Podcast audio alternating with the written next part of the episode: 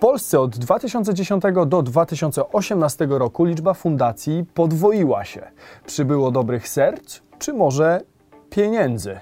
Dzisiaj sprawdzimy, czy fundacja różni się czymś od biznesu, w którym produktem stała się pomoc innym.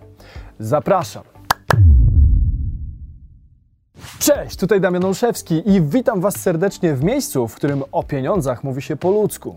W tym odcinku sprawdzimy, co leży u podstaw zwiększającej się liczby fundacji, ile zarabiają poszczególne z nich, jak zdobywają środki od darczyńców, czy choćby ile procent naszych datków tak naprawdę poświęcają na cele dobroczynne. Pochylimy się też nad zyskującym na popularności zawodem tak zwanego fundraisera, czyli osoby zajmującej się zarobkowo pozyskiwaniem datków na rzecz fundacji.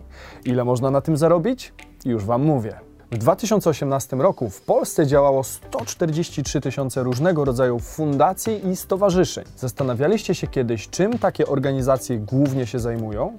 Przypuszczam, że większość z nas pomyślała o wspieraniu ludzi chorych i biednych, w tym przede wszystkim dzieci. A jednak blisko 30% z nich prowadzi działania związane z hobby, takie jak teatry, festiwale czy kluby sportowe. Tylko 16% prowadzi działania w zakresie ratownictwa, natomiast w zakresie pomocy społecznej i humanitarnej działało zaledwie 7,5%, a ochrony zdrowia tylko 4,1% wszystkich fundacji. Skoro już wiemy, w jakich obszarach działają, to zastanówmy się nad tym, jaki procent pozyskanych środków finalnie dociera do potrzebujących. Fundacje publikują coroczne sprawozdania finansowe, z których wynikają ich koszty i przychody. Wielu ciekawych rzeczy możemy dowiedzieć się choćby z opracowania Instytutu Wymiaru Sprawiedliwości, gdzie znajdziemy tabelę przedstawiającą wydatki statutowe poszczególnych fundacji w 2019 roku. Cały raport zamieszczę również w opisie. Jak widzicie, wydatki statutowe kształtują się różnie. W przypadku Fundacji Polska Akcja Humanitarna będzie to 97,25%, a już w przypadku Fundacji PZU będzie to zaledwie powyżej 38% wszystkich przychodów. Widzimy więc, że każda z organizacji na główne cele swojej działalności przeznacza zupełnie różny procent ze swoich przychodów. Warto się więc w tym odrobinę zorientować, kiedy następnym razem zechcemy wesprzeć którąś z nich, dlatego odsyłam Was do linka w opisie. Co więc dzieje się z resztą pozyskanych funduszy? Część budżetu w niektórych przypadkach przeznaczana jest na marketing, a kolejna część pokrywa koszty administracyjne funkcjonowania takiego podmiotu, między innymi wynagrodzenia dla zarządu czy pracowników. Ile zatem zarabia kierownictwo i czy ich pensje różnią się od tych w sektorze prywatnym? Zgodnie z badaniami wspomnianego już Instytutu Wymiaru Sprawiedliwości, najwyższe wynagrodzenia miesięczne brutto pojedynczych członków zarządu wynosiły między 16 a nawet 32 tysiące złotych. Sam lider Wielkiej Orkiestry Świątecznej Pomocy Jerzy Owsiak deklaruje, że jego pensja wynosi 10 tysięcy złotych brutto, choć spekulacje na temat jego zarobków budzą od pewnego czasu spore emocje wśród Polaków. Średnie wynagrodzenie członka zarządu wszystkich badanych fundacji wynosiło 2465 zł brutto miesięcznie. W wypadku fundacji będących organizacjami pożytku publicznego jest to kwota 2395 zł, a w wypadku fundacji nie będących OPP 2623 zł brutto miesięcznie. W sektorze prywatnym średnia pensja wynosi natomiast przeszło 4717 zł brutto. Zróżnicowanie w zarobkach zarządu jest bardzo duże i niekoniecznie zależne od uzyskanych przychodów. Istnieją fundacje, których przychody są spore, a zarządcy nie pobierają z nich ani złotówki. Przykładem jest Fundacja Kawałek Nieba, w której nikt nie pobiera wynagrodzenia, a wszystkie koszty administracyjne ponoszone są przez założycielkę fundacji oraz z odsetek bankowych. Zebrane kwoty w całości przeznacza się na realizację celów fundacji. Skąd organizacje pozyskują środki? W tym zakresie mają sporą pulę możliwości. Mogą to być dochody z majątku, czyli tzw. Tak kapitał żelazny, dotacje z środków publicznych, darowizny, spadki, zapisy, nawiązki sądowe, zbiórki publiczne, działalność gospodarcza, odpłatna działalność pożytku publicznego, kredyty i pożyczki, czy też fundraising. No właśnie, kim jest fundraiser i co należy do jego zadań? To osoba, która pozyskuje fundusze na rzecz fundacji. Czasem jest to robione nie bezpośrednio. Cały proces jest wtedy kilkuetapowy. Fundacja, która dysponuje budżetem marketingowym, zgłasza się do odpowiedniej korporacji.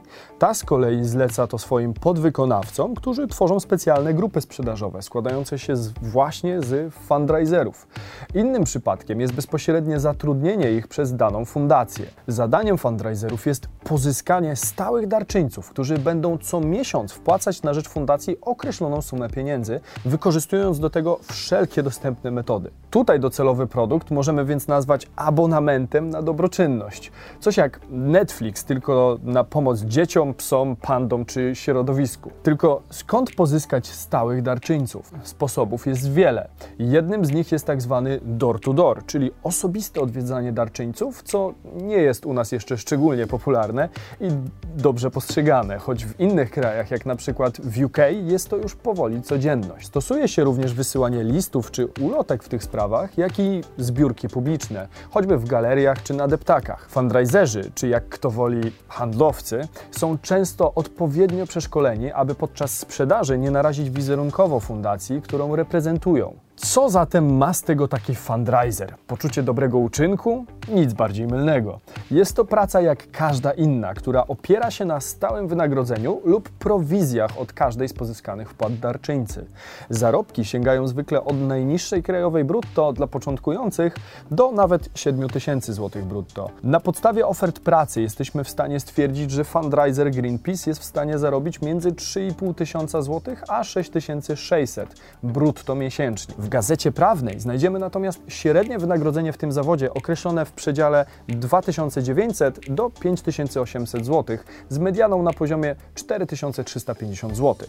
Czyli jak to w sprzedaży? Jedni zarobią grosze i wylecą po miesiącu za kiepskie wyniki, a inni zarobią krocie praca zależna od efektywności. Z wywiadu, jaki przeprowadziłem, dowiedziałem się ponadto, że część firm zatrudniających fundraiserów opiera ich wynagrodzenie wyłącznie na prowizji od pozyskanych datków. Tymczasem kodeks etyczny fundraisera zabrania wynagrodzenia opartego na obliczeniu procentu od zebranych funduszy. Jednak jak to często w życiu bywa, etyka etyką, a praktyka praktyką. Porównując średnie zarobki członka zarządu i fundraisera, możemy zauważyć, że w wielu przypadkach to drugie może być nawet bardziej opłacalne. Co ciekawe, w Polsce tylko 38% fundacji podejmuje działania fundraisingowe.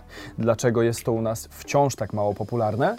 Wynika to z braku wiedzy i nieświadomości. Organizacje obawiają się wejść na ten rynek, bo nie wiedzą jak i nie są przygotowani do współpracy z biznesem. Wiele organizacji nie wierzy w to, że ktoś chciałby ich wesprzeć. Kolejną przeszkodą jest nasza mentalność i podejście do tego typu działań. Raczej wstydzimy się pukać do obcych ludzi i prosić o wsparcie.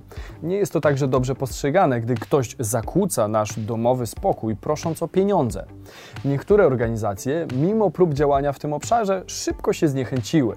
Wielu z nas nie ma też nadal zaufania do instytucji tego typu, nie wiedząc, gdzie tak naprawdę potem nasze pieniądze zostaną spożytkowane. Ciekawym rozwiązaniem dla tego problemu wydaje się również dawanie ludziom wędki zamiast ryby. Sam wielokrotnie wybierałem to rozwiązanie, starając się przekazać na przykład wiedzę na temat zarabiania czy prowadzenia biznesu, zamiast puli pieniędzy, która za chwilę i tak się skończy. W tym temacie świetny film a propos trudnej natury pomocy potrzebującym wyszedł również na kanale Wojna Idei, do którego link znajdziecie tutaj.